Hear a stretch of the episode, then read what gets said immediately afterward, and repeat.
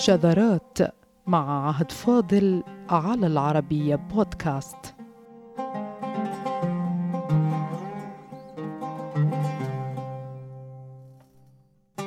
ولما استقرت حال العربية بعيد نزول القرآن الكريم وعمل النحاة عملهم لضبط الكلم العربي وألفت الكتب الكثيرة عن نحو العربية. وبيان العربية من القرن الثاني للهجرة وحتى القرن الميلادي الثامن عشر. ولدت أشهر كذبة في تاريخ اللغة العربية. فما هي أيها السادة الكرام؟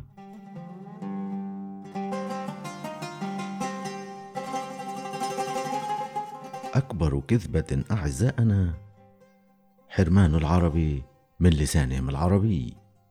وإقصاء العرب من بناء العربية الشاهق.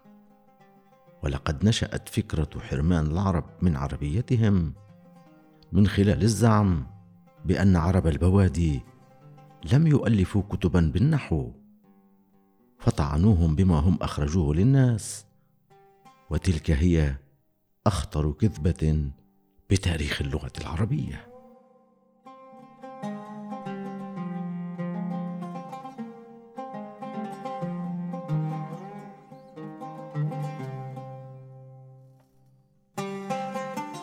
العربية والسعي لسرقة لسان العرب. لما تنتهي بعد أعزائنا فلا تزال هناك مزاعم تطعن بدور العرب الأقحاح بتأصيل العربية ونحوها. أما الحقيقة أيها السادة فإن التأليف العربي الأعرابي للغة فقد كان جماعيا بحيث إن لسان العرب في البوادي كان المصدر الرئيس للنحويين واللغويين على حد سواء في عملهم.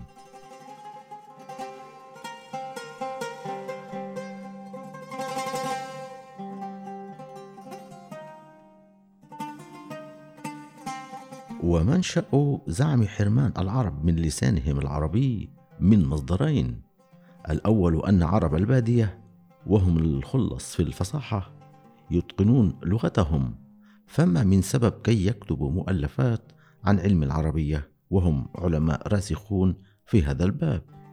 والمصدر الثاني هو التعتيم الممنهج الذي فعله رؤساء العربية فاكتفوا بالقول إنهم أخذوا علمهم من البوادي لكنهم للأسف لم يسموا لنا أي شخص. من هنا ولدت أخطر كذبة بتاريخ العربية من هذين المصدرين.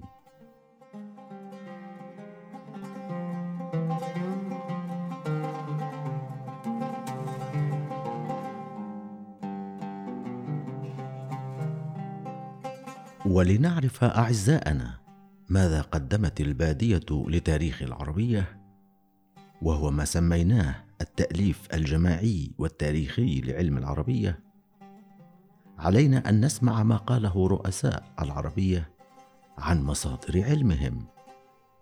من أين نهل علماء العربية علومهم؟ وبالإجابة على هذا السؤال نعلم أن البادية وأهلها هم المؤلفون الأصليون لأنهم المصادر. فماذا قال الرؤساء؟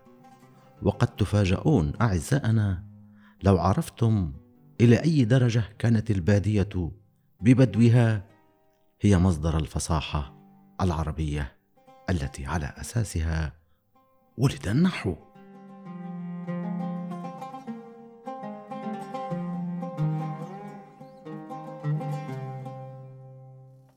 ونبدأ بأقدم معجم عربي هو كتاب العين.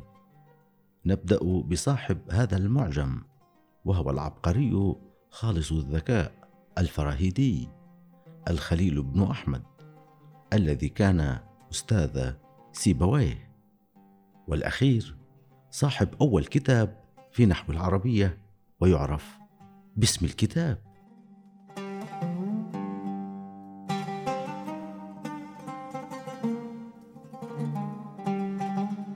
سئل الخليل بن أحمد الفراهيدي من أين أتى بما يسمى علم العربية؟ فقال من بوادي نجد والحجاز. كذا أعزاءنا. هذا صاحب أول معجم بتاريخ اللغة العربية وتوفي في نهايات القرن الثاني للهجرة. لم يخبرنا بمصادر علمه إلا أنه أخذه من بوادي نجد والحجاز. لم يذكر الأسماء لم يعرف بالمصادر. واختفى وراء تصريحه. تاريخ أليم من الإجحاف بحق عرب العربية الذين كانوا مصادر اعتى عتاة العربية وأكبر رؤسائها.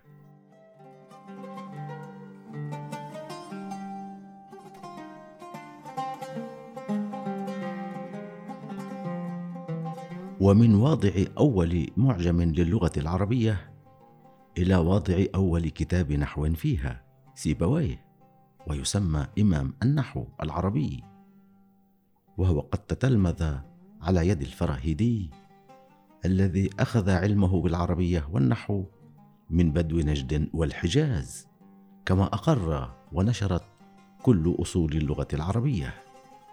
ماذا قال إمام النحو؟ عن أهل البادية.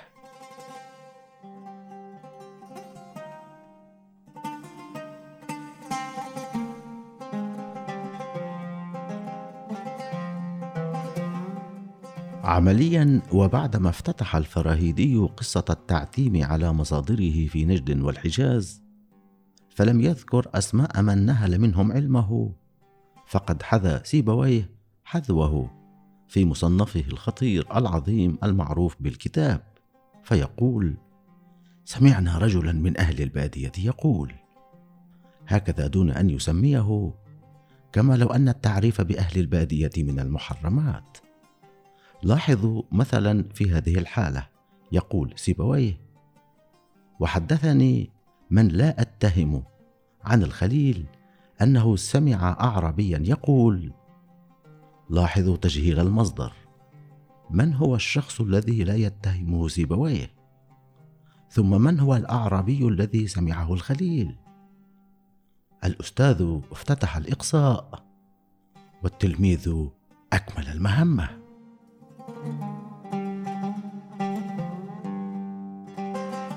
ونبقى مع إمام النحو العربي لكي تعرفوا أيها السادة لماذا نشأت المزاعم الباطلة؟ عن أهل بوادي العربية بأنهم لم يؤلفوا بالنحو واللغة. ولعلكم بالاقتباسات السابقة عرفتم بعض الأسباب. فرئيس الرؤساء بدأ بالتمويه عليهم وإخفائهم واكتفى بالقول إن علمه بالعربية أخذه من بوادي نجد والحجاز. وجاء تلميذه سيبويه وأكمل بطريقته لاحظوا مثلا لتلك الصيغة في كتاب سيبويه يقول بعض الأعراب كانت تؤخذ عنه العربية وكان أهل العلم يتبعونه ليأخذوا ألفاظه. يعني سامحك الله يا سيبويه فإذا كان هذا البدوي ضليعا باللغة إلى درجة أن يتبعه أهل العلم لأخذ ألفاظه كما قلت. فلما لم تسمه للتاريخ.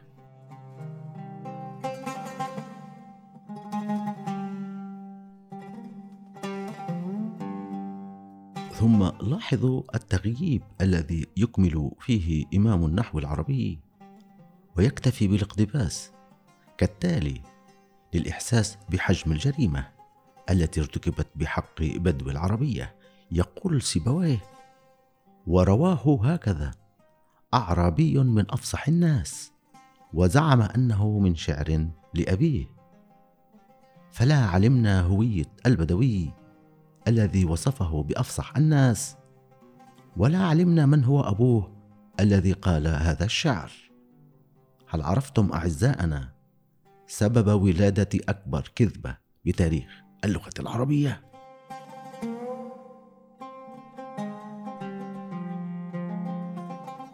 أعزائنا لقد خضع بدو العربية لعملية استئصال جماعي كما سترون.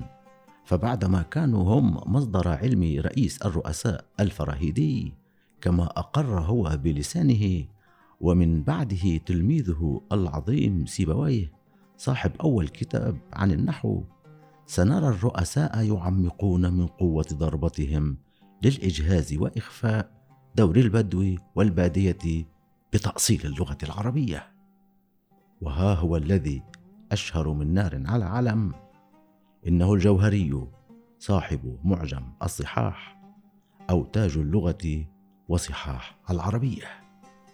فكيف سار على خطى الإقصائيين الأوائل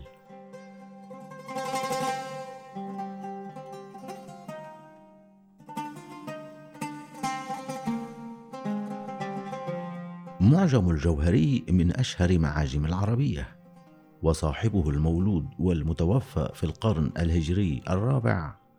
من الأذكياء المشهود لهم بعلو الهمة والذهن الوقاد حتى إنه حاول الطيران بجناحين لكن محاولته فشلت ومات على إثرها. فكيف أسهم كالفراهيدي وسيبويه بإخفاء هوية لغويي وفصحاء أهل البادية بالنهل منهم. إنما كما لو أنهم بلا أمهات وآباء وقبائل فلم يسم منهم أحدا فماذا قال؟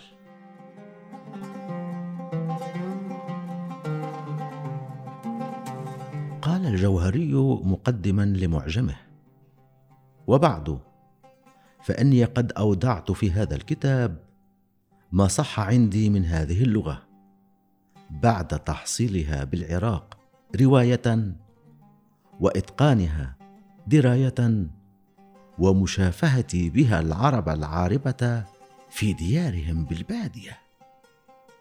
أي أنه جمعها من رواة العراق وعرضها سماعا تطبيقيا على البدو في باديتهم فما قبلوه منها تركه في كتابه وما رفضوه أزاله منه.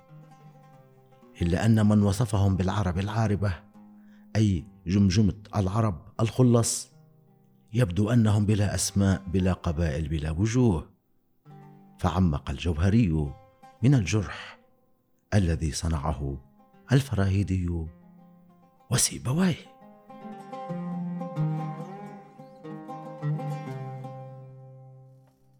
والأزهري أبو منصور صاحب معجم تهذيب اللغة ولد في أواخر القرن الثالث وتوفي في أواخر القرن الرابع. وترك لنا أحد أعظم درر العرب في تهذيب اللغة. وهذا الرجل أسره العرب وعاش بينهم دهرا طويلا وأخذ من لسانهم العربية الصحيحة كما قال. لكن هل سمى أحدا؟ للأسف كلا. فماذا قال؟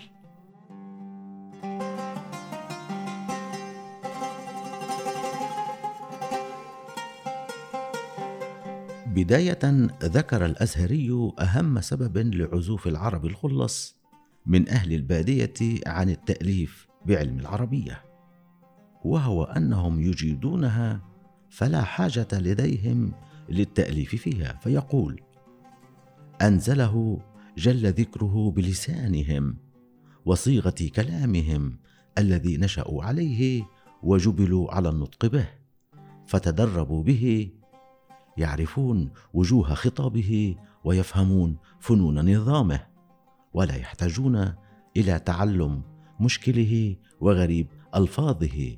حاجة المولدين الناشئين في من لا يعلم لسان العرب حتى يعلمه. وهذا من أهم أسباب انصراف العرب الخلص عن التأليف بالعربية.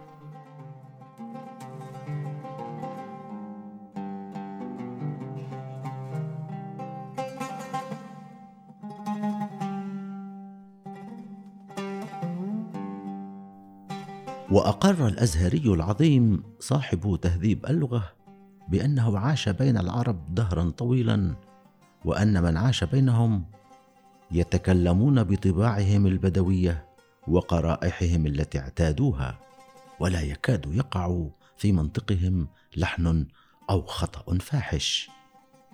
هكذا قال وهذا كل ما عرفناه أعزائنا عن المصادر المغيبة للأزهري. طباع بدوية منطق خال من اللحن والخطأ. وهكذا ضاع المصدر الأصلي. كالعادة فلا أسماء ولا ناس.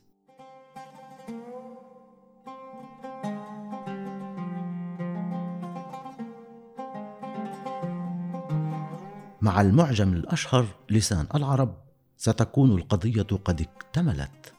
فالمؤلف وهو محمد الأنصاري المصري الأفريقي. قالها علنا. وكتابه أصلا تجميع لما افتتحه الأزهري والجوهري وابن سيده في المحكم. فقالها بكل وضوح وهو يتكلم عن قاموسه الشهير بلسان العرب. كما لو أنه أحس بشيء خطير حدث سابقا. فيقول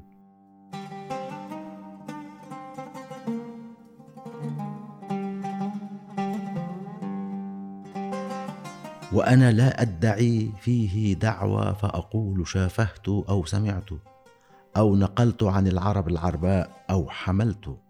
فكل هذه لم يترك فيها الأزهري وابن سيدة لقائل مقالا. لاحظوا اعزائنا كيف انتبه الأفريقي المصري إلى هذه القصة. فقال لن أقول إنني سمعت أو شافهت العرب العرباء أي الخلص.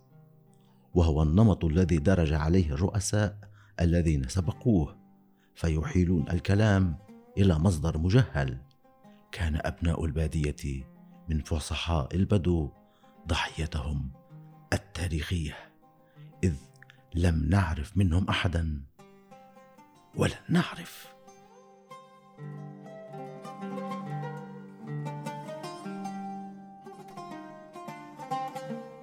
في محكم ابن سيده يتكرر الأمر نفسه. أعرابي لا اسم له. قال وفلان بالتسمية سمع. وكذا حتى وصلنا إلى القرن الثامن عشر للميلاد. مع أضخم معجم عربي مبني بالكامل على من سبقوه وهو تاج العروس للزبيدي. ومع أنه قال المعتبر في اللغات ما كان ماخوذا عن هؤلاء الأعراب القاطنين بالبادية.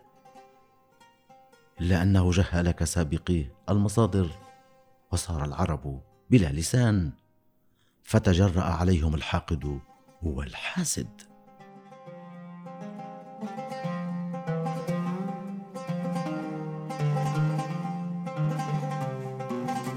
هكذا اعزائنا وكما قدمنا لكم وبالأدلة فإن مصدر علم اللغة العربية من بوادي نجد والحجاز. كما قال صاحب أول معجم وكما درج عليه تلامذته الكبار كسيبويه ثم واضعو المعاجم وكتب اللغة.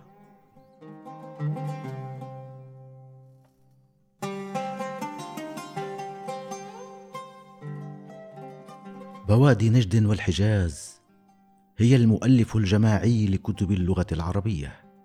أشخاص هناك تكلموا مع الفراهيدي ليؤلف معجم العين وهو أقر حرفيا بذلك وكذلك فعل سيبويه عندما أراد تأكيد قاعدة نحوية أو صرفية ثم درج بقية الرؤساء على ذلك.